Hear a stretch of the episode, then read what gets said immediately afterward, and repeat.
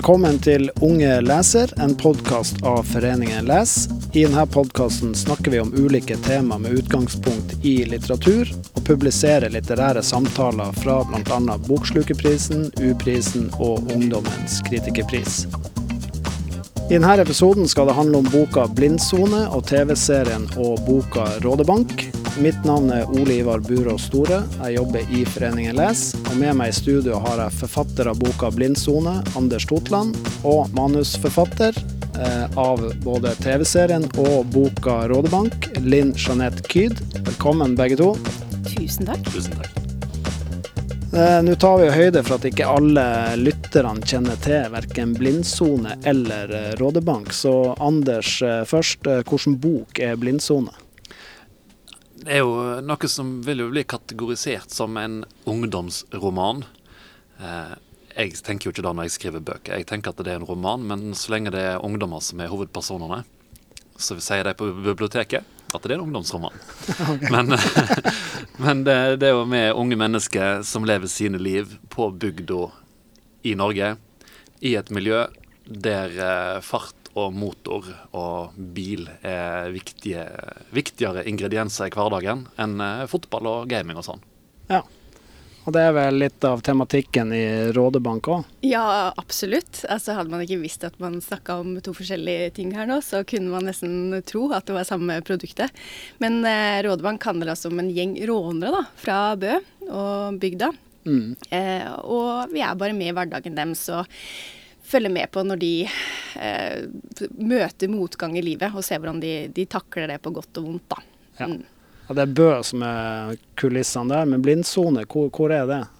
Den kan være i Bø hvis du vil, Ja, den kan jeg. men den kan òg være på vestlandskysten eller hvor som helst ellers. Jeg har egentlig i alle bøkene jeg skriver, eh, skjønnlitterære bøker, så, så har det ingen bygder som har navn, stort sett. Nei. Men det, det foregår på plasser som ligner veldig på der jeg bor. Ja. Men så er det ikke der heller, for at jeg vil at alle skal kunne tenke at det er akkurat der de bor.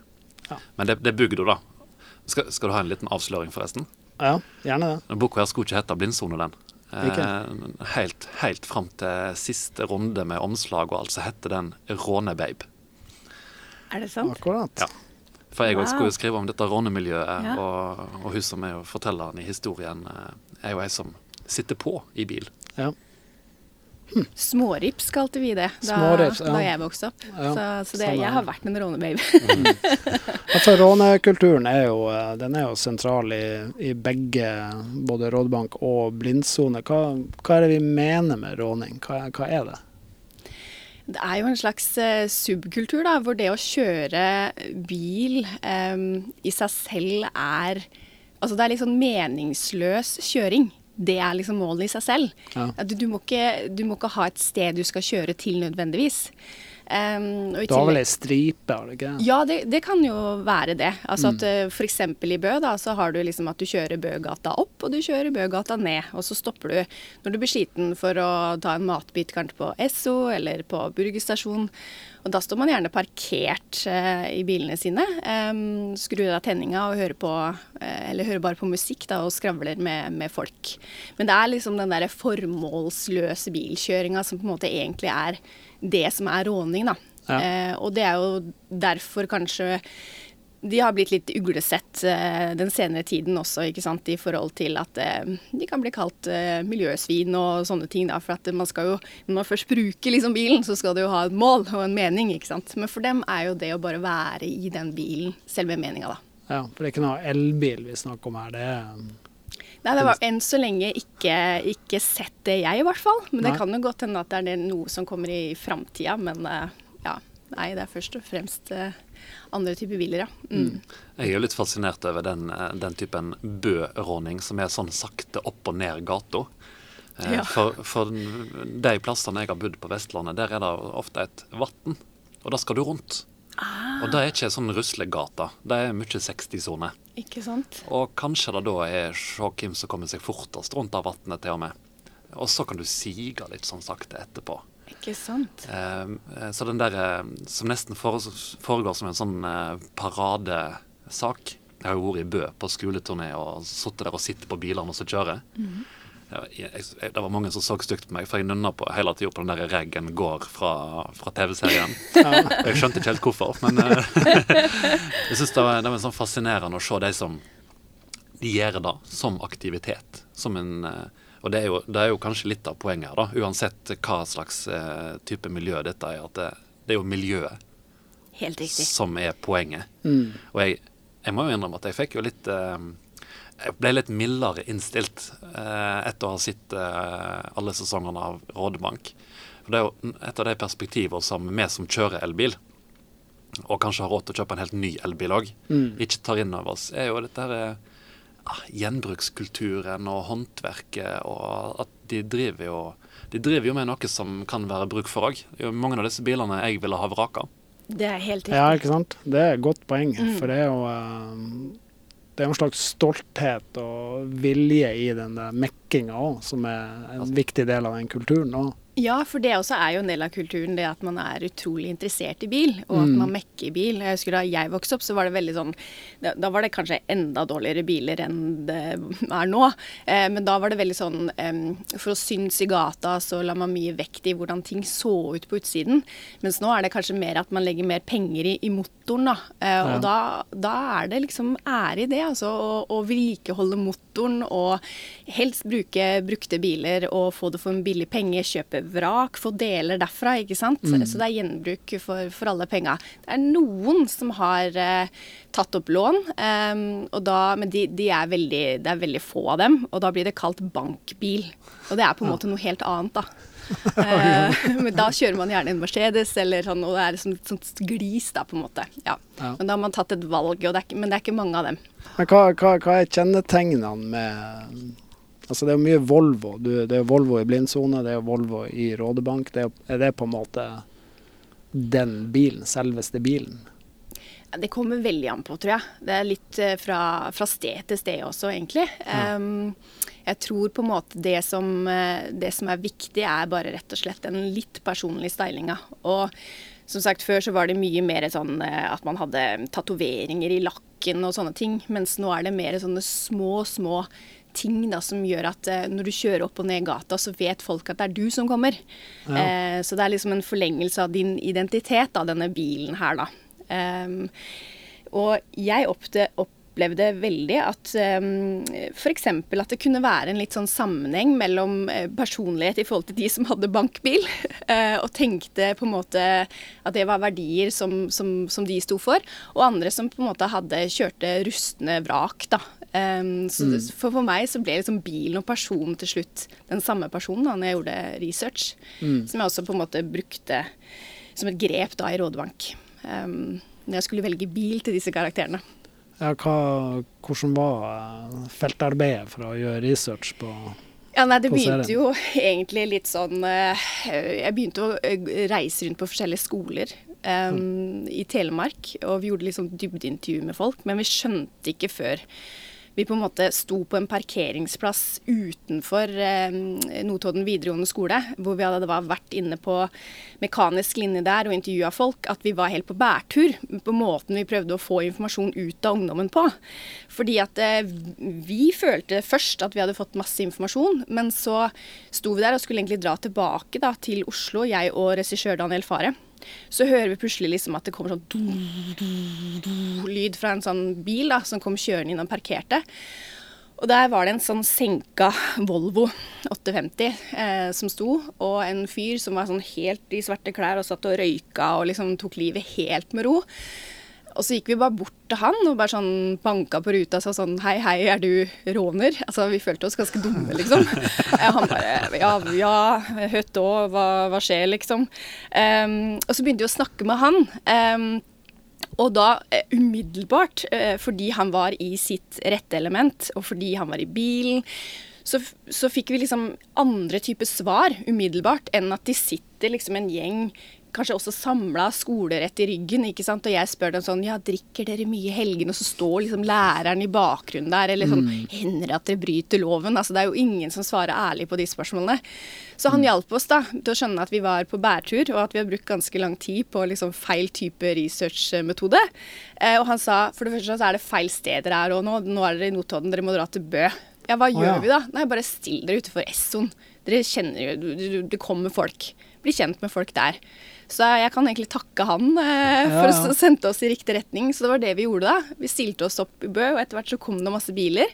Så gjorde vi det samme, bare banka på ruta. Så var vi veldig ærlige med dem og sa sånn vi har tenkt å lage en, eh, en dramaserie om rånemiljøet. Um, ganske skeptiske var de fleste i starten, for de var redde for at vi skulle ha en sånn ovenfra-og-ned-holdning, at vi skulle drite dem ut på et eller annet vis. For det er jo deler av den kulturen som blir nærmest bedt om å Altså at man skal le av det.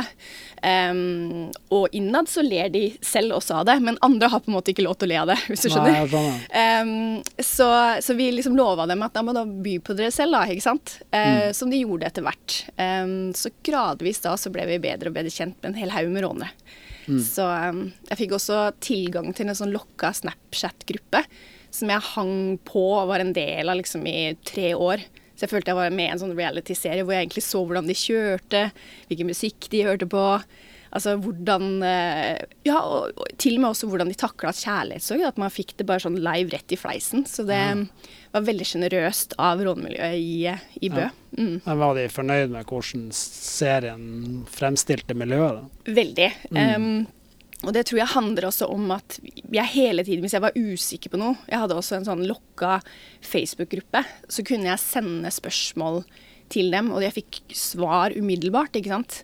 Og det kunne være alt fra ja, sånn som i sesong tre av Rådebank, da, så sa jeg se for dere at det kommer en annen gjeng utenfra som parkerer og tar deres plass eller forsøpler, da. Um, og så får dere skylda for det. Hva ville du gjort da?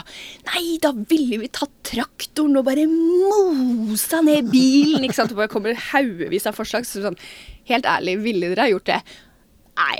Vi ville kanskje ikke det. Og så kommer et eh, nytt, mer eh, naturlig svar da, på en måte som de ville ha gjort. Men, men jeg føler liksom at vi har hatt en sånn veldig veldig god dialog hele veien. da, Så jeg tror ikke de heller er blitt overraska over det materialet som har kommet. da. Jeg føler Nei. at de kommer fra dem. Ja. Det var det så grundig research på blindsone? eller? Nei. Nei. Det føltes utrolig ekte. fordi, og, og også det der med at du sa at um, altså det kunne vært hvor som helst. altså For meg var det der Ulefoss. Ja, det, Også- det er jo fint. Ja, det var veldig fint. ja. Ja, for det som eh, jeg egentlig gjør eh, nesten hver gang jeg skriver en ny historie, er at jeg, det, det er jo ikke en historie som handler om å kjøre bil. Det er jo en historie om unge mennesker som prøver å finne seg sjøl. Det er det jeg jobber med. Og det er jo det samme som Rådebank. Det er jo ikke en TV-serie om å kjøre bil. Den hadde ikke jeg giddet å sitte. Nei. Når jeg ser det, så er det jo disse menneskene sin historie, og så er det jo både en kulisse og en del av miljøet og alt det sammen. Men det er nok kanskje i enda mindre grad eh, en viktig del av miljøet når jeg skriver. Jeg bare plasserer det i et sånt miljø. Og så er det leseren sin velvilje eh, jeg langt på vei flyter på, med tanke på at eh, det er nesten ingen beskrivelse av bil der. Det er nesten ingen beskrivelse av motor. Og det er ganske få beskrivelser av kjøring. Men vi har et omslag, vi har en tittel, vi har en um, inn, innpakning og en åpning Ja. som forteller at uh, du skal lese denne historien her som en historie der folk er opptatt av bil. Jeg er jo så utrolig lite opptatt av bil. Eh, at det jo ikke, det, jeg, ville, jeg ville måtte ha gjort enorme mengder arbeid, og kanskje likevel ikke fått det spesielt godt til hvis jeg skulle vært langt inne i sjargong og, og alt mulig. og Derfor er det jo Det er jo ei jente som er min hovedperson, som ikke kjører sjøl, egentlig. Ja. Det er jo én scene der hun stikker av med broren sin bil og kjører. Og så får hun lærekjøre litt med den 18 år gamle kjæresten. Eh, Så det er bilverksted. Ja, det foregår litt på en bilverkstad, Ja. men du skal lete lenge for å finne navnet på verktøy inne på den verkstaden i teksten min. Ja. Men hvis du er en velvillig leser som har kjøpt premisset om at disse folka er ekstremt opptatt av bil, så trenger du ikke plante navnene på skrutrekkere og Nei. syl og dor, som er de verktøyene jeg kan navnet på. Ja, det er jo Eh, eh, litt sånn litteraturen sin styrke, at du kan lese mellom linjene. Ikke sant? Ja. Kan legge til. Og, jeg, og for min del så er det Det er både for at jeg egentlig ikke kan så masse om veldig mange av de miljøene jeg skriver om, men det er òg for å eh, åpne litt mer enn å lukke. For jeg tenker at Hvis jeg hadde gått veldig inn på sånn eh, detaljert Nå er vi på verkstad, og da skal det være verkstad det handler om her. Da tror jeg det er veldig mange som ikke ville lest. Men som blir med inn i TV-serien, for du skjønner allerede i åpningsscenen at eh, her er det mennesker, her er det ting på spill. Her er det en nerve som du, du, trenger virkelig ikke være opptatt av bil. Det er artig mm. å se at noen klakker et egg oppi eh, en ting på motoren eller i bilen, og se at det fungerer. Men du trenger, ikke, du trenger ikke skjønne om det er realistisk eller ikke, for å bli eh, reven inn i historien. Mm. Og ja, det, det, jeg prøver å få til, er jo egentlig å bruke dette miljøet uten å egentlig nesten nevne det. Mer enn at jeg har plassert det i en sånn verden. For det er hva som skjer mellom disse menneskene som mest av alt betyr noe, da. Mm. Ja, for det er veldig gode åpninger i både blindsone og Rådebank. Du blir jo på en måte dratt inn i eh, blindsoneuniverset umiddelbart. Og den Rådebank-åpninga når de kjører der og stopper og pisser og han sender tekstmelding. og da skjønner du at ok, her er det faktisk noe mer enn bare rånermiljøet. Ja, og, og noe, av, noe, av, det som jeg håpet jeg skulle få til at skulle stå på spill i, i historien min her, da, det er jo eh, ikke research, men erfaring. Mm. For når jeg gikk på videregående, så var det en periode i Kvinnherad, eh, der jeg bor, som jeg nylig hadde flytta til da, der det var mange dødsfall i trafikken.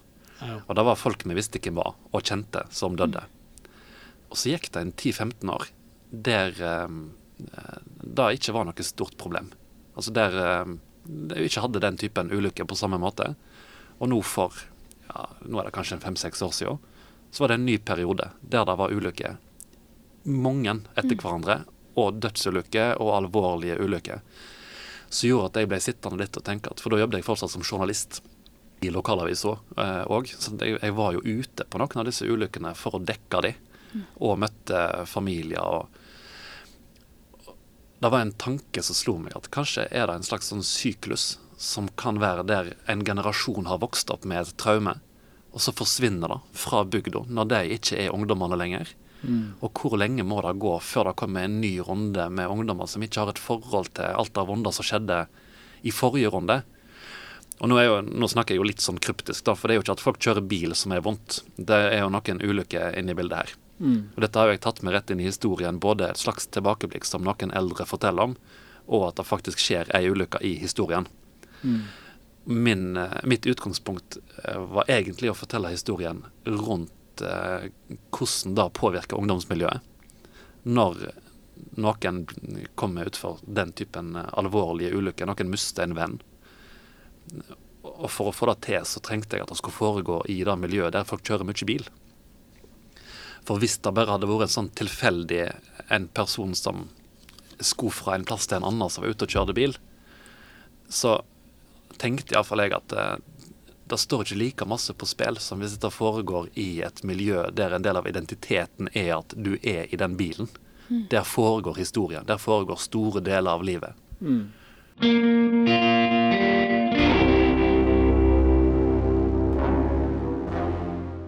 I Rådebank så er det jo altså det er jo gutter eller menn og følelser er jo òg en uh, sentral del av uh, historien. Og det å liksom kanskje åpne opp for å snakke om noe som er vondt. Uh, det var òg noe som var veldig viktig fra starten, at serien skulle handle om det. Ja, det ble i hvert fall det ganske tidlig. Um, jeg husker når jeg begynte å jobbe med prosjektet, så, så var det sammen med noen produsenter som heter eh, De kaller seg Fenomen. Eh, som, som, hadde lyst til å lage en råneserie, men de hadde lyst til å ha litt mer komisk tilsnitt. lage det litt mer sånn karikert og moro, da. så kjente jeg umiddelbart, fordi jeg har hatt en bror som, som var råner, at det er i hvert fall ikke sånn han var, eller eh, sånn jeg opplevde det rånemiljøet han var en del av. Eh, så jeg hadde lyst til å røske litt i i disse fordommene, på en måte. Og så begynte vi i tillegg å gjøre litt research, og det var da jeg så at, at den selvmordsstatistikken som, som, vi nå har i Norge og har hatt over flere år, er jo forferdelig Det er forferdelig mørke tall. Um, og da kjente jeg bare på et eller annet vis at jeg hadde et enormt behov for å ta det inn i denne serien på et eller annet vis. Jeg visste ikke helt hvordan, men jeg hadde veldig lyst til det. Og det, det handla også i stor grad om at jeg selv også har opplevd selvmord på veldig nært hold, eh, og har vært veldig prega av det og den hendelsen i mange år, da. Mm. Um, for det, pappaen min tok livet av seg da jeg var 16 år. Oh, ja. Så, um, så, derfor så ble det bare veldig, veldig sånn nå er, det, nå er, tiden inne for at jeg skal fortelle den historien der. Ja. Selv om det ikke er historien om faren min, eh, så er det på en måte blitt en historie om de som er igjen. Og der igjen kjente jeg at her kan jeg bidra med noe. Ja, eh, og bidra med noe forebyggende på et eller annet vis, da. Mm. Som tar tak i denne tematikken. Hvordan, mm. hvordan, var det å jobbe med noe som er så tett på og så vondt på en gang? Først tenkte jeg at det ikke kom til å bli noe problem, fordi det var så mange år siden. Um, og selv om jeg brukte lang tid på min sorgprosess, og den ikke nødvendigvis var så sunn den gang, så, så har jeg på en måte jobba godt med den i ettertid. Da. Så jeg følte at man, på en måte, man blir aldri ferdig med noe, men jeg tenkte det her blir ikke noe problem. Men så var det et eller annet med at når man liksom skal gå inn i noen sånne følelser, da, og spesielt sånn Hege er veldig lik meg i måten hun reagerer på. i forhold til, mm. Og det er veldig mange som har sagt sånn Hun reagerer så rart. ikke sant? Går ikke an å bli sånn sinna. Men det var min hovedfølelse, på en måte, av å kjenne på det at øh, jeg ble på en måte forlatt da, eller jeg følte at jeg var svikta, eller hvordan kan du dra fra meg, pappa? Det var liksom min hovedfølelse. Jeg var veldig, veldig sinna.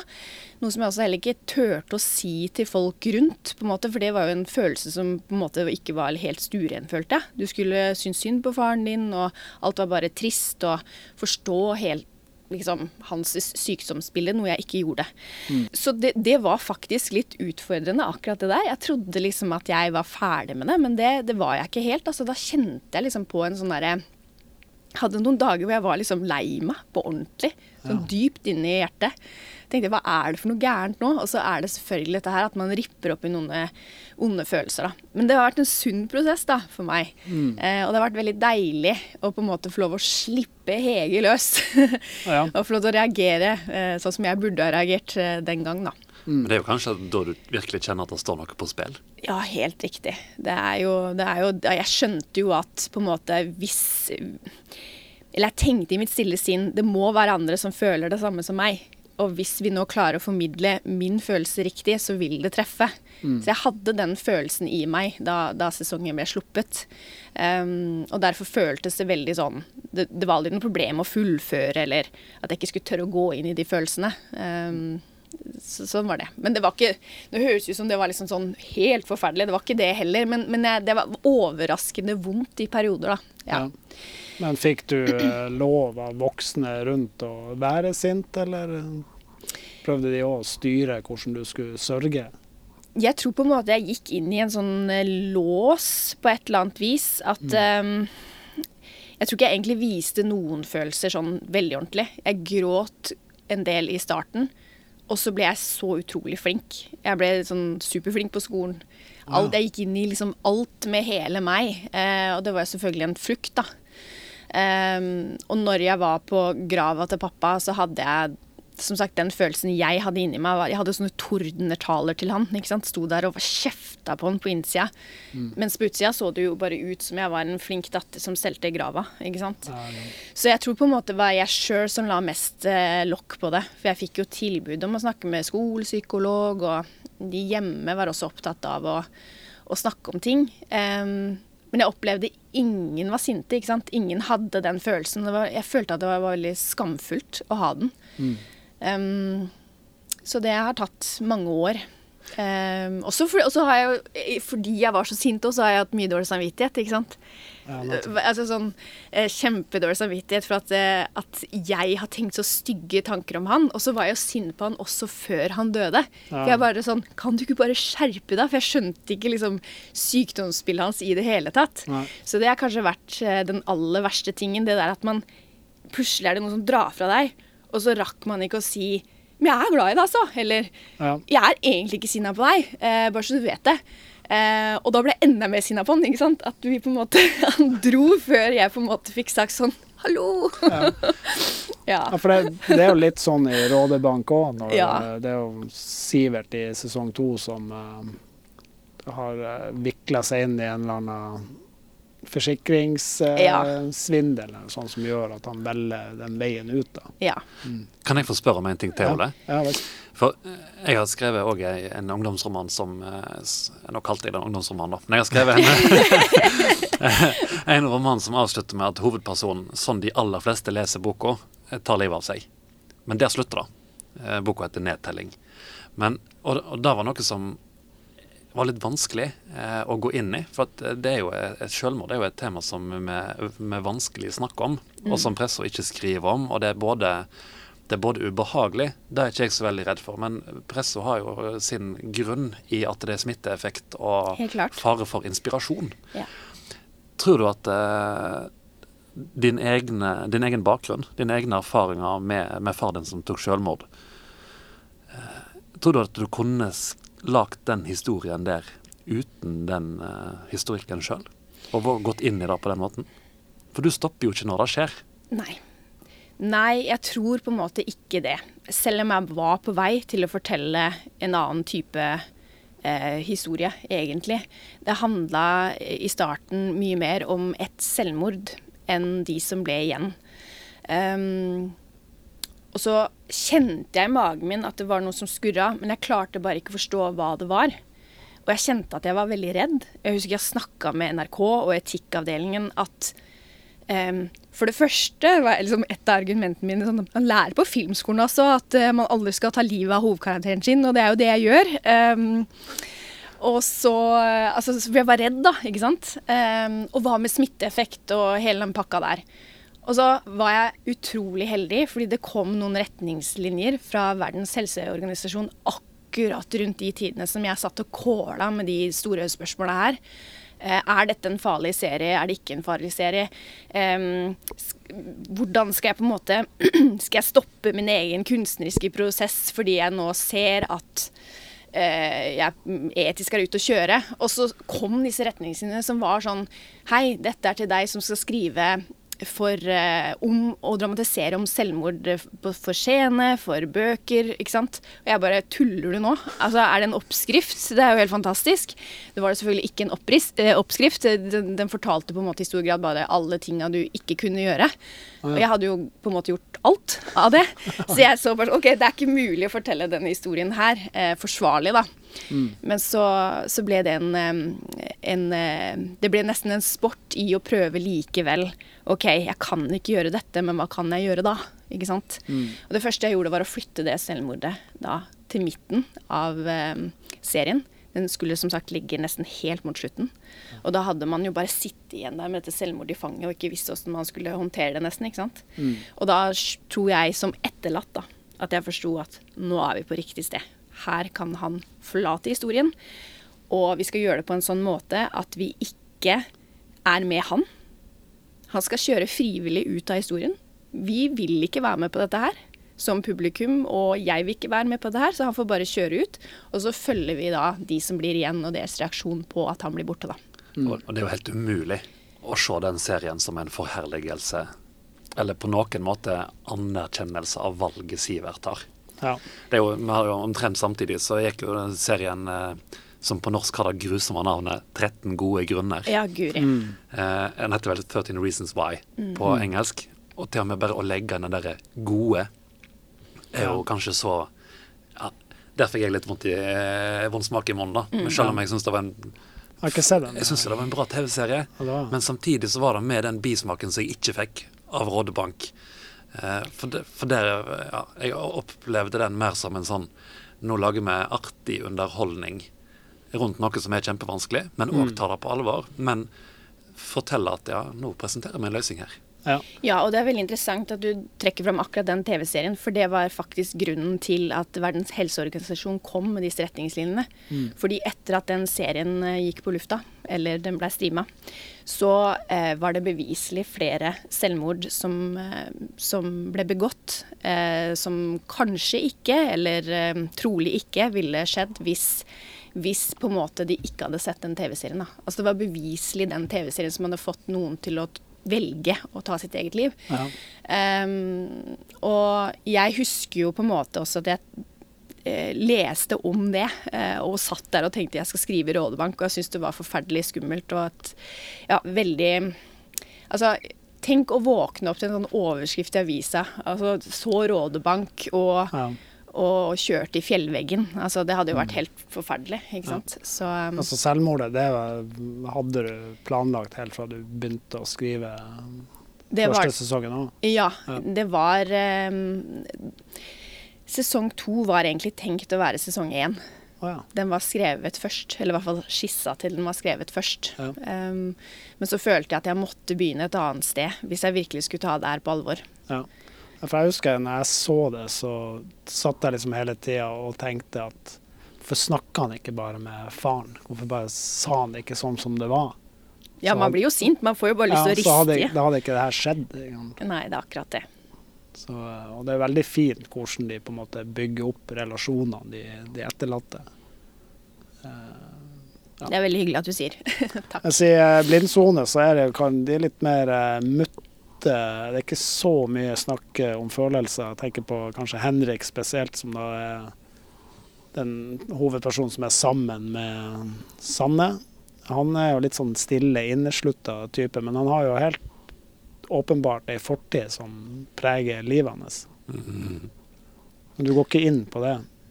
Du får ikke vite hva det er. og Nei, det, det, er jo, eh, det er jo på en måte rammer rundt at det bor for seg sjøl, selv, selv om foreldrene bor i nærheten. ja, Og det, det er jo litt sånn eh, åndelig latskap eh, samtidig som det er Samtidig som det er et bevisst, bevisst valg når jeg skriver. ja, For det er jo selvsagt gjort for at folk skal kunne få lese inn i det hva de vil. Men jeg har jo, jeg har jo aldri tenkt bakgrunnshistorien ferdig. Nei. Jeg spilte, spilte musikal i sommer og fikk beskjed om at alle karakterer må ha sin bakgrunnshistorie. Og du må vite hvordan denne personen hadde det da han var fem, selv om du er 38 når du spiller han. Bare OK. Men jeg skjønner at det kan være eh, viktig for å ha troverdige karakterer. Mm. Men i så korte tekster som det jeg jobber med, og i den, det formatet som jeg skriver romanene mine i, så opplever jeg egentlig at jeg kan slippe ganske greit under med å bare la det være en åpning der for at alle kan lese en, en fortolkning i det. Ja. For jeg tror de fleste som har lest boka, tenker at de vet litt om det. Mm. Men det står der ikke. Det er litt som verktøy òg.